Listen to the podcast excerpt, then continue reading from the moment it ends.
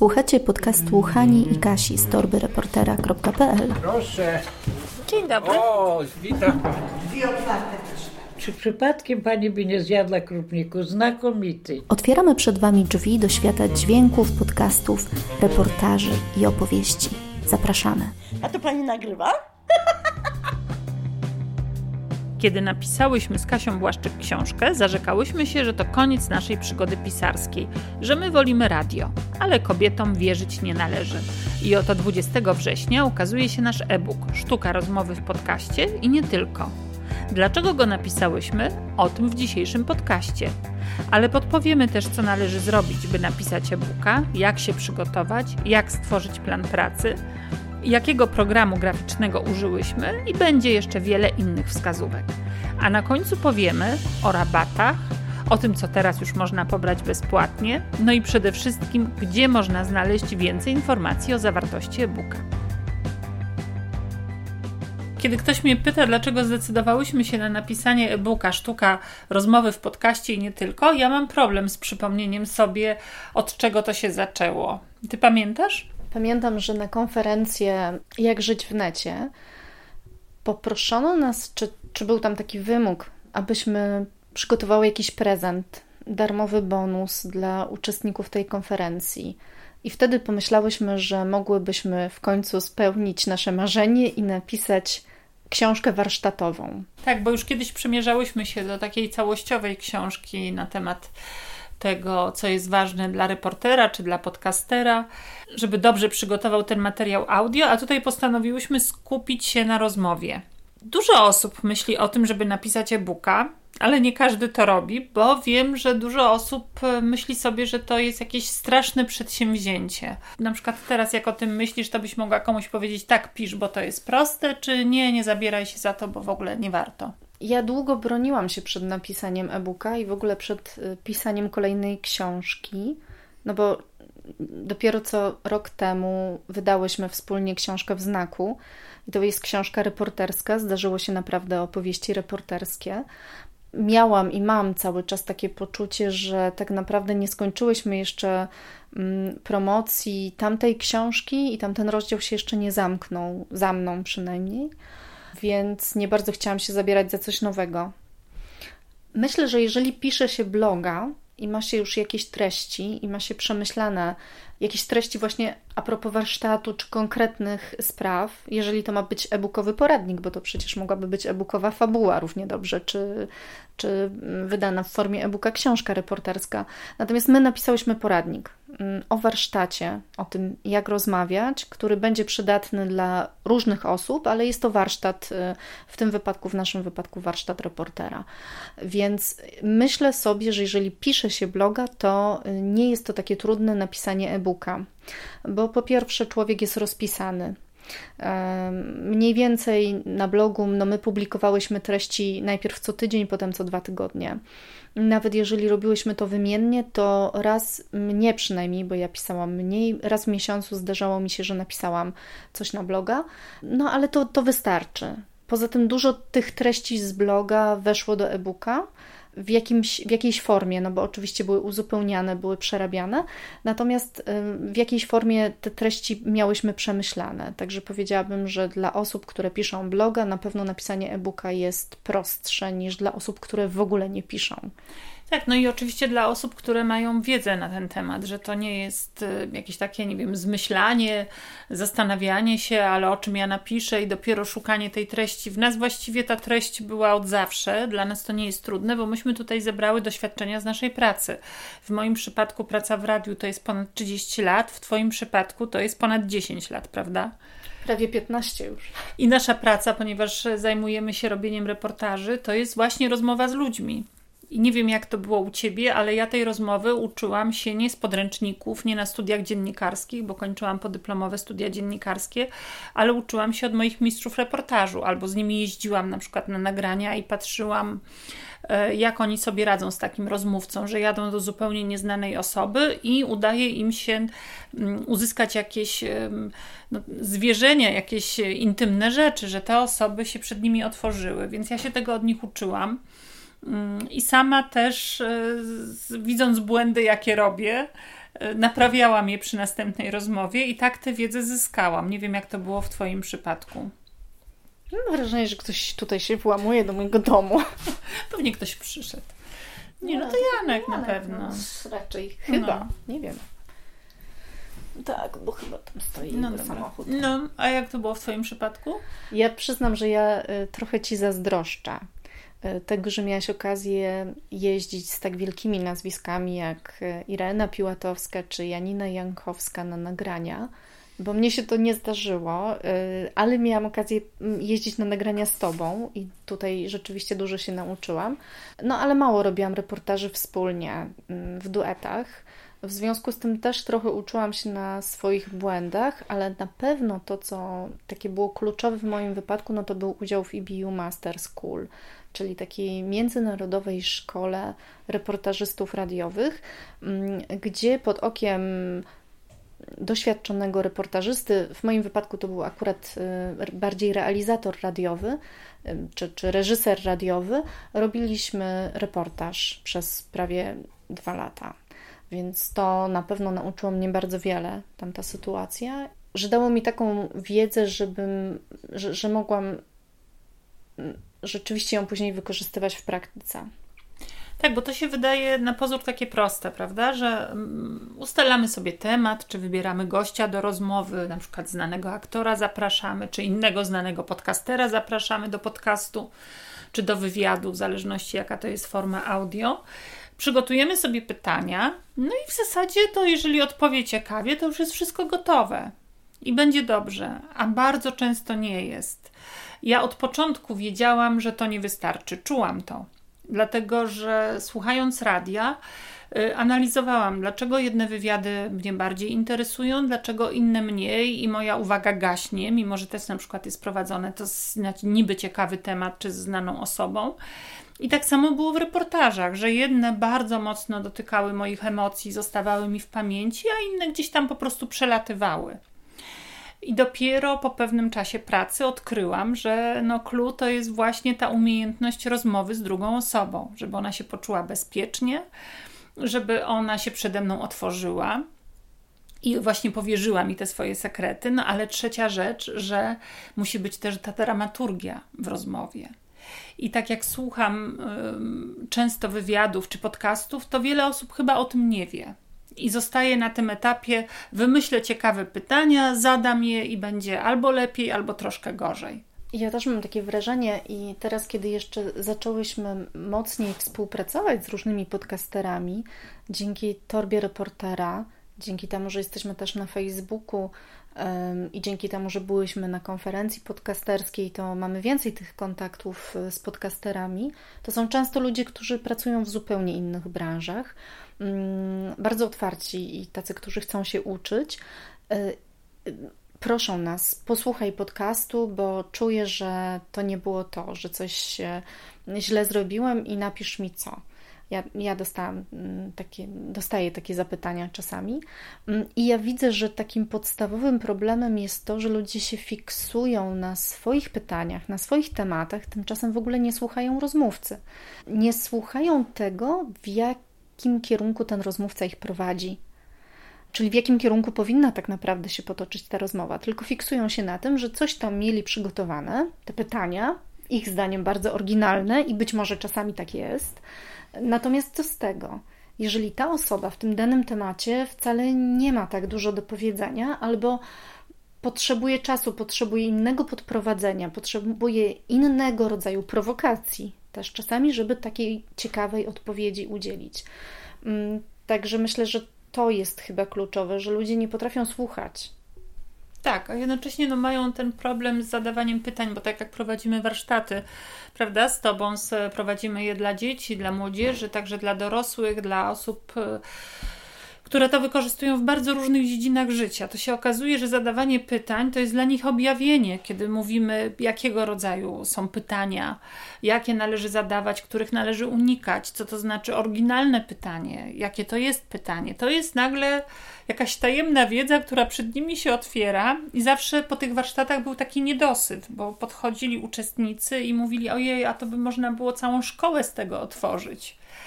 No i ja na przykład bardzo się cieszyłam pisząc tego e-booka, że tą wiedzą mogę się podzielić, bo mam takie wrażenie, że jeżeli ktoś mm, przeczyta i zacznie to wcielać w życie, to, to będzie mu o wiele lepiej, że osiągnie o wiele więcej. Ja na przykład o takiej książce marzyłam wtedy, kiedy uczyłam się zawodu. Tylko to było tak dawno temu, że było w ogóle niewiele książek poradnikowych na rynku, a o sztuce rozmowy w ogóle wtedy nie było.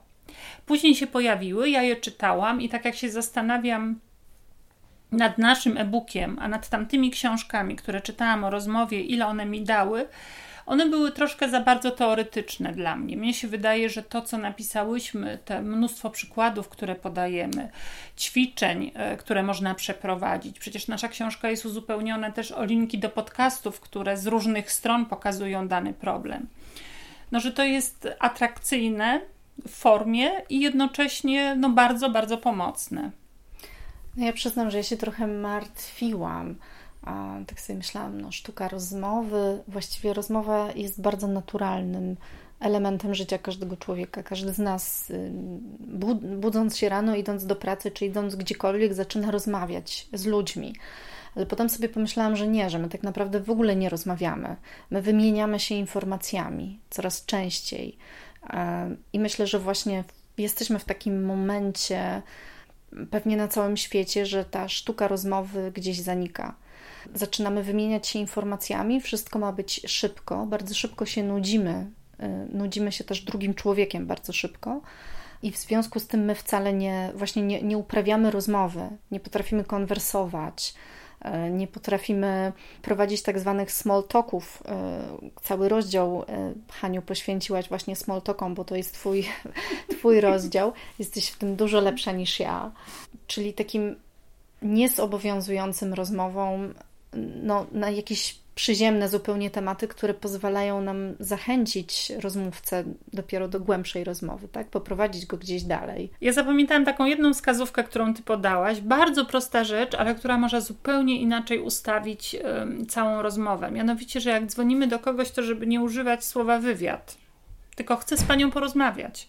Bo słowo wywiad, chcę przeprowadzić z panią wywiad. Ojejku, ale ja nie mam nic do powiedzenia wywiad to się kojarzy z kimś, kto jest bardzo dobry w danej dziedzinie, jest znany, jest ekspertem. A chcę porozmawiać brzmi swojsko. I z takich prostych rzeczy, e, ale uważam bardzo przydatnych, e, składa się ten e-book. Także ja pisząc go sobie uświadomiłam kolejny raz zresztą pewne ważne rzeczy i dlatego on też jest no, dla mnie ciekawy. A jak go pisałyśmy? Pisałyśmy go myślę, że w taki dosyć ciekawy sposób, dlatego że ja, ja siedziałam i, i e, pisałam po prostu treść kolejne rozdziały, natomiast ty później brałaś to w swoje ręce, bo e-book, jak się okazało, ma też pewne swoje jakieś wymagania, prawda? Żeby on był rzeczywiście ciekawym poradnikiem. I ty nauczyłaś się tego, co tam powinno być, czy dowiedziałaś się, co powinno w nim być, jakie to mają być elementy, i później komponowałaś z tej treści, którą ja przygotowałam pomyślałam sobie, że jeżeli to rzeczywiście ma być poradnik i on ma służyć ludziom, no to trzeba się dowiedzieć, jak te poradniki pisać. Żadna z nas, ani ty, ani ja, nigdy nie napisałyśmy żadnego poradnika wcześniej, e, więc e, zaczęłam czytać poradniki, bo chciałam zobaczyć, jak są skonstruowane. Mm, no i jeszcze czytałam kiedyś, kiedyś poradniki o, o macierzyństwie, o tych pierwszych latach macierzyństwa. Natomiast poza tym właściwie czytuję zupełnie inne książki. I to też była dla mnie trudność, i dlatego pomyślałam sobie, o, to jest ciekawa przygoda, można zobaczyć, jak są skonstruowane poradniki, i można te poradniki w pewnym sensie naśladować później w tym e-booku.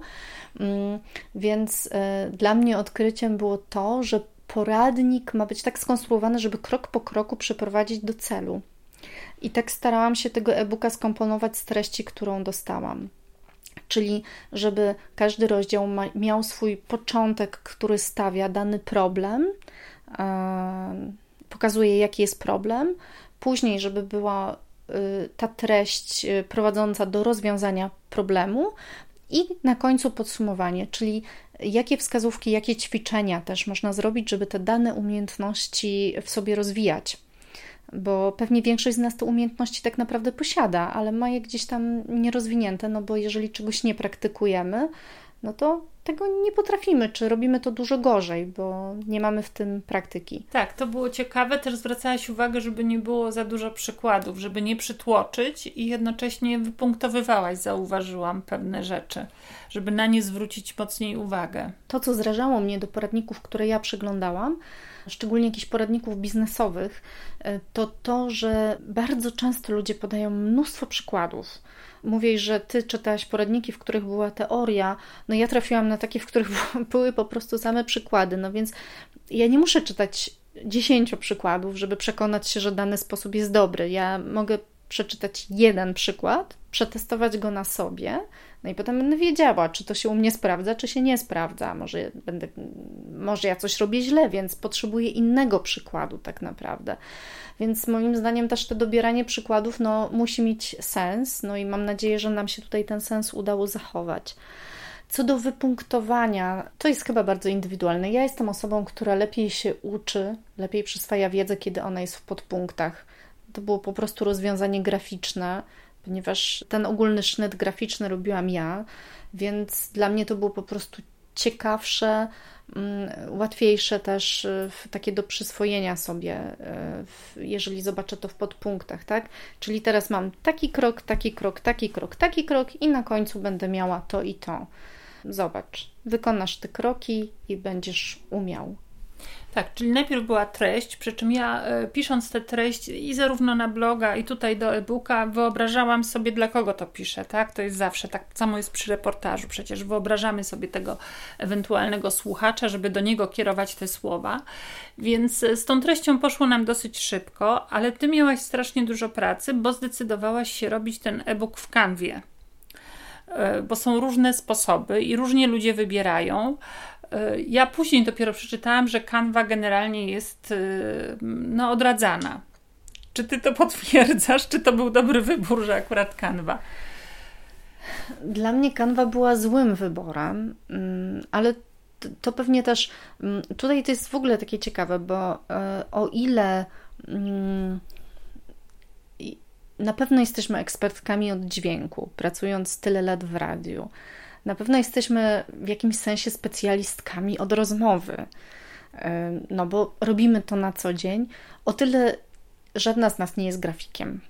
I wszelkiego rodzaju rozwiązania graficzne to było coś, czego uczyłam się dopiero przy okazji bloga i prowadzenia bloga, i prowadzenia e, fanpage'a na, na Facebooku, czy teraz z posiadania LinkedIna, tak, czyli w mediach społecznościowych. No i oczywistym takim programem, który wszędzie jest reklamowany, jest Canva.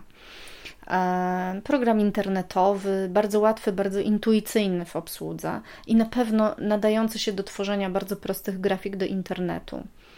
E, natomiast ja sobie wymyśliłam, bo tak też podawali inni, że ta kanwa posłuży nam do tego, żeby stworzyć e-booka, ale równocześnie mm, nie skusiłam się na żaden gotowy szablon z kanwy, ani na żaden gotowy szablon, który wiele osób oferuje, nawet jako taki gotowy szablon e, z kanwy do zrobienia e-booka, tylko postanowiłam stworzyć ten e-book sama, bo stwierdziłam, że to jest na tyle oryginalny e-book, ma na tyle oryginalną i naszą treść, że ta grafika też powinna być nasza, czy jakoś tam współgrać z tym, kim jesteśmy, mieć taką kolorystykę, jaką chciałybyśmy mieć i tak dalej, i tak.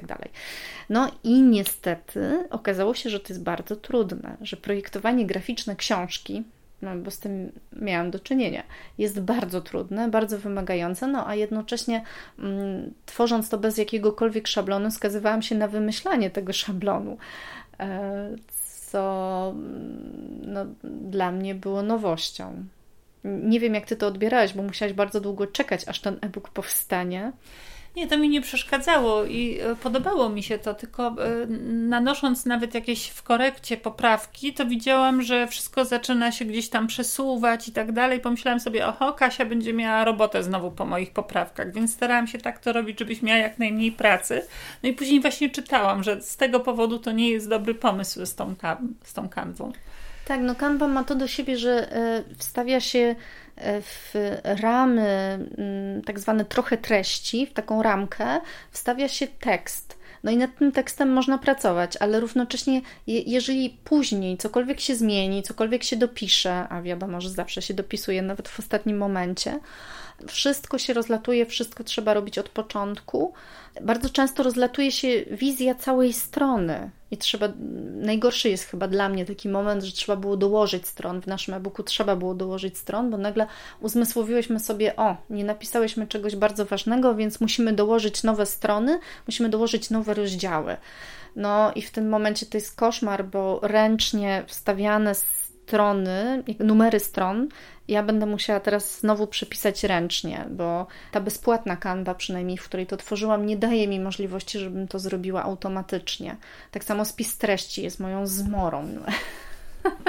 Nienawidzę tworzyć spisu treści w kanwie, ponieważ też jestem to zmuszona robić ręcznie, a wiem, że inne programy graficzne mają e, takie możliwości, żeby żeby to automatyzować, no i ułatwiać sobie pracę.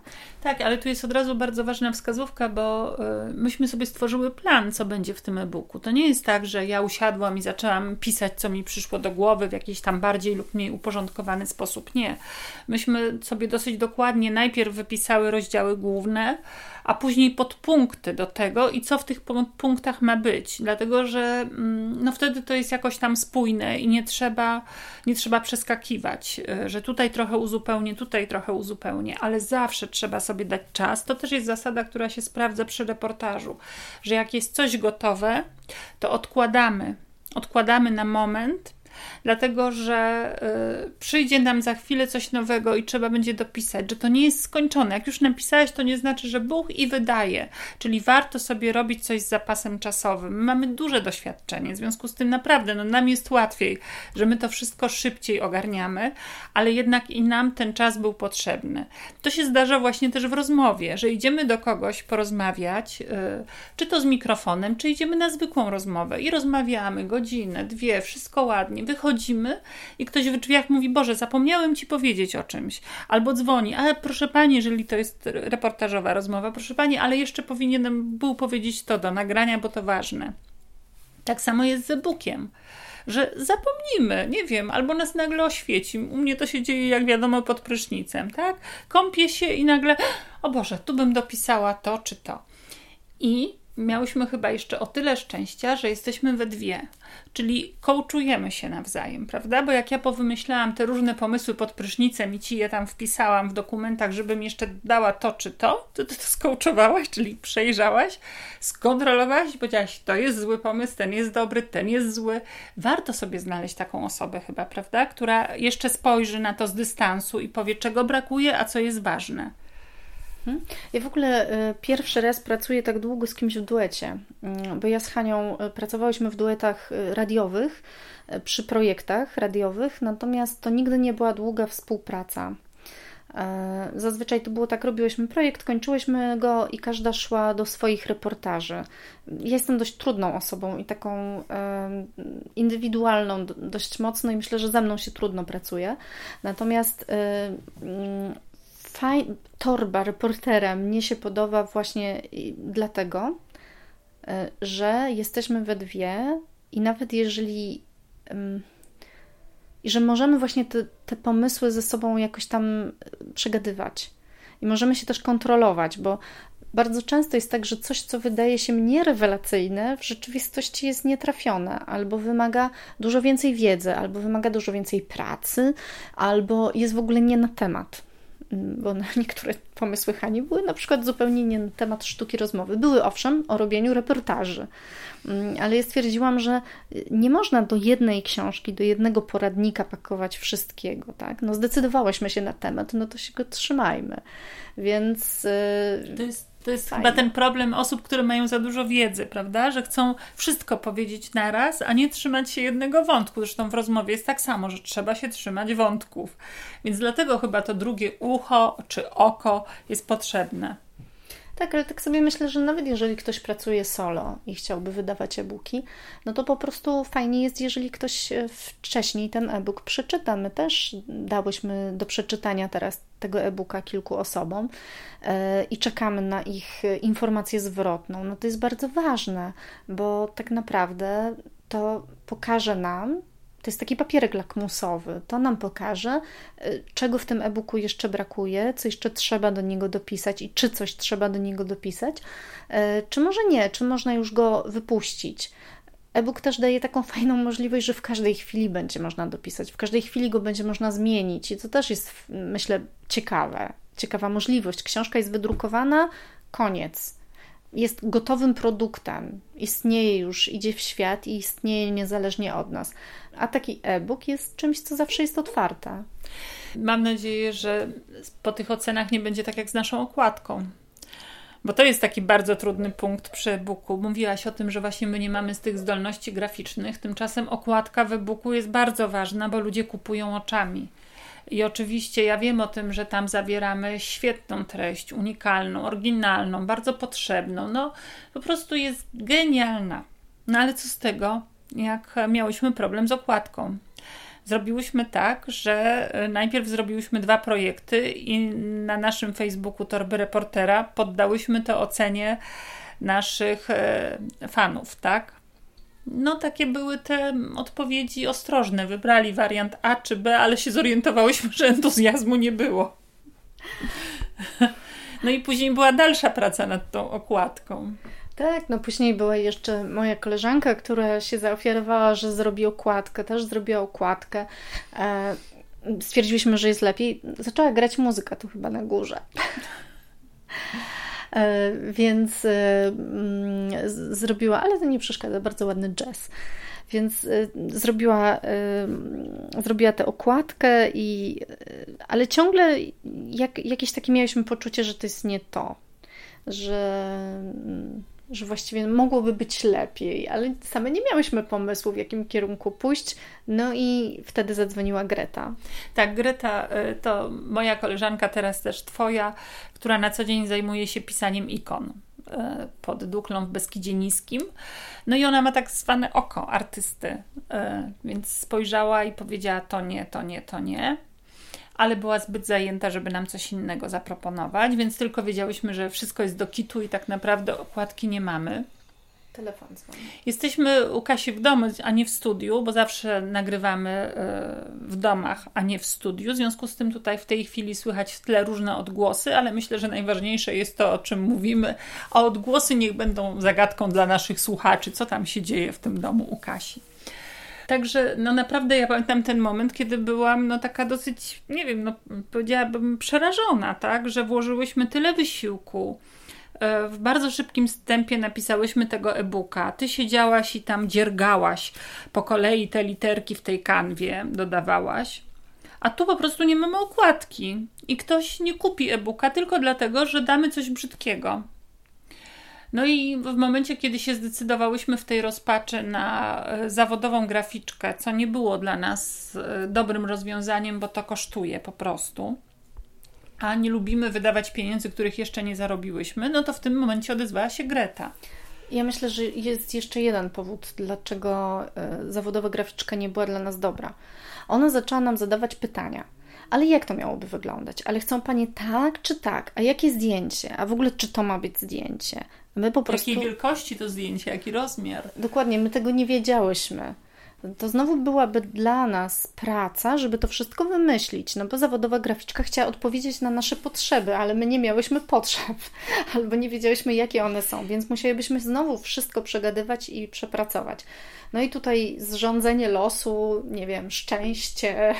Tak, Greta Leśko się pojawiła i, i szybko zaprojektowała okładkę, która od razu przypadła nam na, do gustu. Teraz jeszcze ona ten pomysł dopieszcza i to jest bardzo ważne. Natomiast wiedziałyśmy od samego początku, bo takie miałyśmy też doświadczenia z tą książką, którą wydawałyśmy w znaku, że bardzo nam jest potrzebny redaktor i korektor i to jest to, do czego bym wszystkich namawiała, bo ja osobiście nie lubię książek, które są z jakimiś błędami, czy stylistycznymi, czy gramatycznymi, czy ortograficznymi. Ja lubię, jeśli czyta mi się to dobrze, nie skupiam się na jakichś tam błędach, czy, czy, czy no nie wiem, jakichś takich niedobrych rzeczach.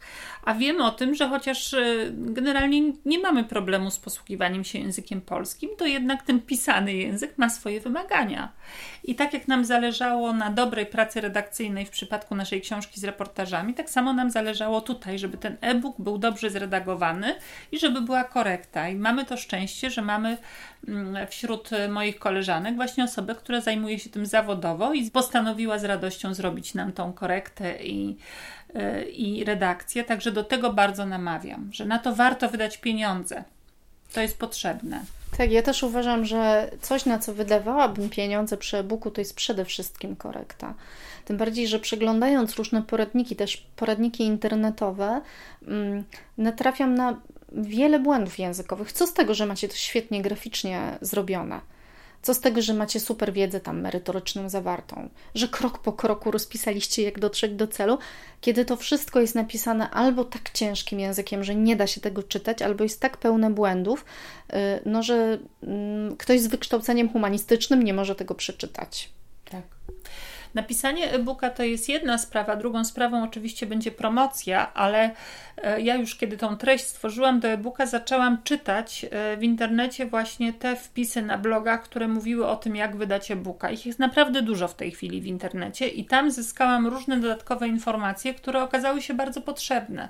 Na przykład dowiedziałam się, mm, co powinno się znaleźć dokładnie na pierwszej i drugiej stronie w e-booku, jakie słowa, które będą zastrzegały nasze prawa do tej książki książki. Są gotowe sformułowania, które można znaleźć właśnie w internecie. Dowiedziałam się, o czym nie miałam pojęcia, o tym, że powinniśmy wystąpić o numer ISBN, który bezpłatnie możemy dostać po to, że później możemy naszą książkę dystrybuować przez różne portale, które zajmują się tym, prawda? I w ten sposób zwiększamy te kanały dystrybucji. Także ja bym. I jeszcze jest tam parę ważnych informacji. Niektórzy wiem w grupach e, na Facebooku zadają pytanie: słuchajcie, ta i ta osoba napisała mm, e-booka o tym, jak wydać e-booka. Czy mam kupić tego płatnego e-booka, żeby móc e, wydać swojego? Mm, jeżeli komuś szkoda pieniędzy, to naprawdę ta wiedza może jest troszkę rozsiana w internecie, ale uważam, że można, e, że można się dowiedzieć także bezpłatnie i, i skorzystać z tej wiedzy. I między innymi stąd był ten pomysł na ten podcast, żeby od razu się podzielić tym, co, co zrobiłyśmy, całą naszą wiedzą, bo tak samo zrobiłyśmy w przypadku naszej książki, tej wydanej przez znak. Zdarzyło się naprawdę opowieści reporterskie, bo tam też od razu nagrałyśmy serię podcastów o tym, jak trafić do wydawnictwa, jak negocjować umowę, co jest ważne, które zapisy, jak się zabrać do pisania książki. Także bo chyba najważniejsze jest dzielenie się własnym doświadczeniem. Mhm, no tak, no to ja teraz zaproszę, że oczywiście nasze podcasty znajdziecie na wszystkich dobrych platformach podcastowych. My prowadzimy razem bloga torbareportera.pl i tam również w zakładce podcasty seria wydawnicza oraz seria podcastów o dźwięku. Zapraszamy. Zapraszamy gorąco do zajrzenia na naszą stronę torbareportera.pl zakładka sklep. Tam możecie się dowiedzieć, jakie są rozdziały w e-booku, jaka jest jego cena, ale najważniejsze, e-book w sprzedaży będzie 20 września i od tego momentu przez tydzień będzie go można kupić z rabatem 15%. A dla pierwszych 30 chętnych osób opracowanie na temat hostingu dla podcastów. Które hostingi są darmowe, które są płatne, porównamy wady i zalety poszczególnych platform. Poza tym, dla wszystkich, którzy kupią e-booka, jest film. Film o tremie to jest zapis live'a, który Katarzyna Błaszczyk y, poprowadziła na fanpage'u. O tremie jest także jeden z rozdziałów książki, bo trema bardzo przeszkadza w sztuce rozmowy nam i naszemu rozmówcy. Więc ten bezpłatny rozdział możecie już w tej chwili pobrać z naszej strony torbareportera.pl zakładka e-book. Na naszym fanpage'u na Facebooku Torba Reportera i Podcastera będziemy publikować wskazówki dotyczące sztuki rozmowy. Serdecznie zapraszamy do oglądania.